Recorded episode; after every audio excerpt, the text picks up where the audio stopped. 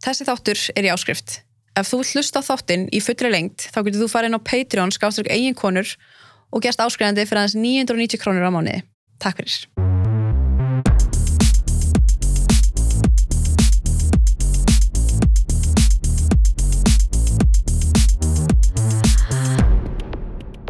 Velkomin, Álrún. Takk fyrir. Við, hérna, það er búið að vera helviti mikið að gera. Já. Bara, en við tölum sérst fyrst saman fyrir hvað einu árið eða eitthvað. Já, ég held það. Þá, þá talaður um, var það ekki ofinberlega? Þú, eða svona, Nei, það var, sko þetta var held ég, ég var ekki búin að fara ofinbjörlega held ég með söguna þá, nei, en þetta var af því að kom eitthvað podcast upp, jaha, já, kom eitthvað podcast upp sem, þar sem voru einhverju fáiðar að tala um eitthvað eh, svona, bara ógislega svona karlrembulegt, skiluru, en fyrirsögnin af því var eitthvað, þú veist, um gagnamagnið. Já, og, og þeir voru í rauninni að tala um þú veist, eitthvað annað mál sem var í gangi á þeim tíma og ég heyrði bara trailerinn, eitthvað brot og brot maður þurfti að vera í áskrift til þess að geta hlusta á þetta. Og þá sendi ég á þig að því ég sá að þú varst búin að tvíta um þetta. Já, það, já, já. þannig að þú veist, ég sendi á þig og bara uh, veistu hva, um hvað þetta er þú veist, af því að þetta gerist við mig. Já. svo eitt ég um leið af því ég sá eftir. Já, já, já. Alveg rétt, já, já, því að já, mér fannst eitthvað svo, ég var bara guð, ég ætla samt ekki að vera eitthvað ógislega, þú veist, hérna, þú fattar já, já, Já, og bara fór líka í eitthvað kerfi, bara ég- hvað er ég að senda á hana, þú veist, þú veist, hún veit ekki um þetta mál alveg rétt, vá, en svo töluðu við eitthvað saman um Já, þetta, svo tölum við um þetta og ég í rauninni opnaði þetta fyrir þér, eða Mhm. þú veist, og ég held að hafi verið bara stuttu eftir að þá ofinbyrja í söguna mína, svona, eða svona, nafn- nafnlaust, ég nefndi aldrei hver þetta væri. nei, nei, nei, En ég opinbyrjaði söguna og svo stutt eftir það þá einmitt fekk ég smá ráðþjöður einmitt þegar hann var ekki alveg að svara skilabóðinu mínum nógu vel hann hérna daði. já, einmitt. Hann, En mér fannst það með sko uh, merkilegt út af því að þetta var, þú varst í rauninni bara að segja kannski þjóðinni eða þínum Mhm. svona fylgjendum frá þessu, en þetta var alveg svolítið síðan þetta gerist. já, þetta gerist sko árið 2013 til 2014 Já, ofbildi sjálft. Uh, ég sem sagt bara í rauninni kynnist ótrúlega hillandi strák og hann var mjög ólíka mér, þú veist, ég er rosa fríspyriti típa og einhvern veginn, en hann er rosalega svona með málinn sín á hreinu, ef maður getur orðað það, eða það fannst mér skilur mm -hmm. Uh, einhvern veginn, þú veist, var í háskólanámi uh, örlítið eldri en ég uh, og bara einhvern veginn, þú veist, já var með svolítið flottan status í bæjarfélaginu og alls konar svoleiðis. Og ég sem sagt fannst ég bara vera voða heppin að hann var eitthvað að reyna um mig og Já, hvað voruð þið gömul?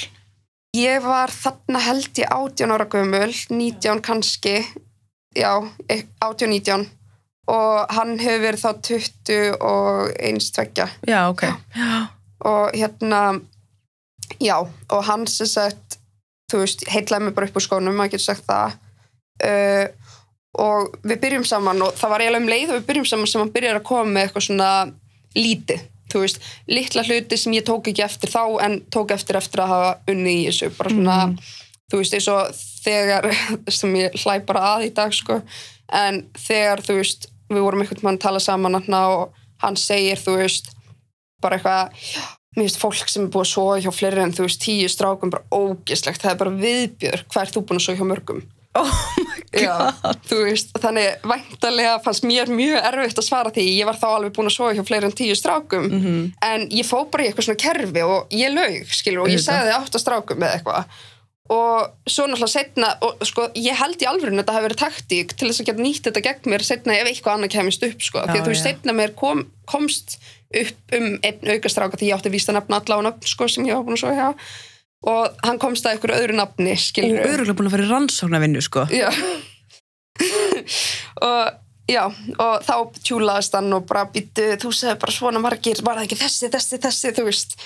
Þannig, já, þetta var svona þetta var svona fyrsta og svo var margt annað, þú veist, hann lofbombaði mig til dæmis uh, þegar hann sagðist elska mig í fyrsta skipti það var þegar ég loksins lét undan ósk hans að eða út vinum mínum á Facebook sem ég hafði sofið hjá. Þú veist, þá fekk ég fyrst að heyra ég elska og þá náttúrulega leið mér eins og þetta var þess virði sko að ég hafi eitt honum út.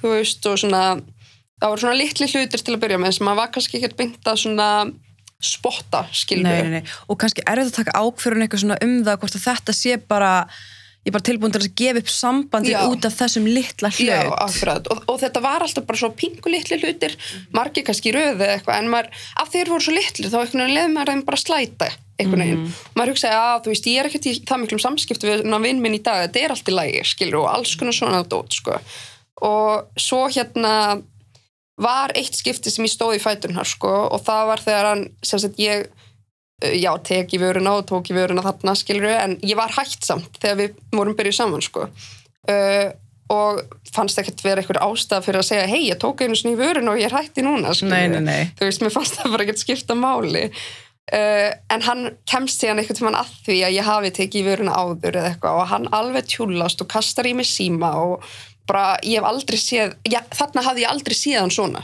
nei. aldrei svona skrítin og hann var svo klikkaður veginn og þegar hann gerði þetta þá stóð ég fast í báða fætur og ég bara, heyrðu, fyrir ekki ég læt ekki bjóða mér upp á þetta. Og lappaði út og þarna voru við búin að vera bara saman í þrjá mánuði. Uh, lappaði út og ég, mitt plan var bara að hætta með honum. En hann hringdi og var svo rosalega sorry og, og var svo rosalega almennilegur og allt það, ég bara einhvern veginn kifti það og ég fór aftur.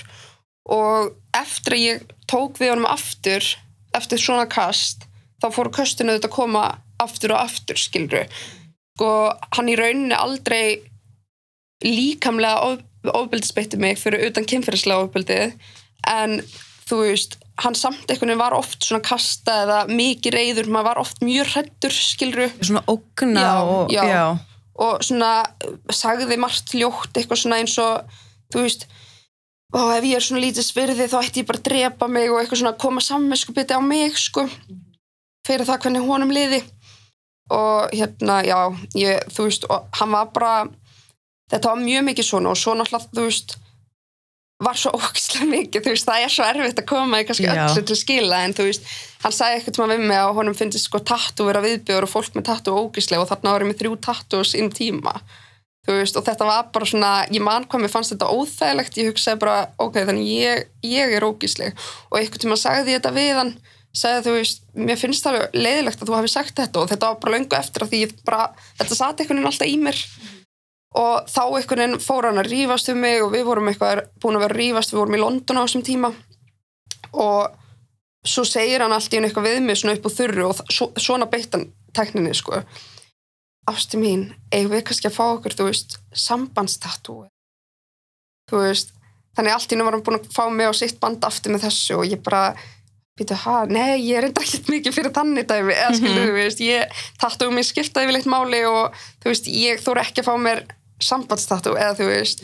Og þá var hann eitthvað, já, þú veist það er bara gaman kannski að hafa eitthvað svona hlutlaust og þá allt í einu var hann voða hrifin að tattum, þú veist, þetta var allt eitthvað svona, og líka kannski mjög eitthvað svona eignarhald já, eitthvað svona, algjörlega algjörlega, og þ það gerist undir lokin, sko, þú veist, við flytjum síðan inn saman og þá er þetta náttúrulega bara að fara að grassirast ofbildið og þetta er orðið rosalega slæmt, hann reyndar nöðgæði mér í fyrsta skipti áður við flytjum inn saman.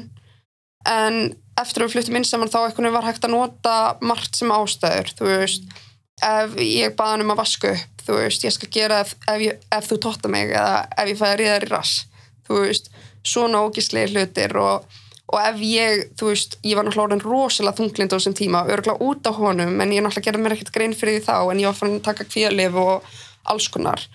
Og þá var einhvern veginn alltaf mér að kenna þú veist, mér liði svona illa og þú veist, það var einhvern veginn vá, þú gerir aldrei neitt, fyrir aldrei neitt upp úr rúmi eða eitthvað svoleiðis. Og bara, ég, ég skal kannski gera þetta fyrir þig ef þú get, getur gert þetta fyrir mig. Þú veist, það var aldrei bara af góðmennsku sinni gerst Nei. eitthvað, skilur þú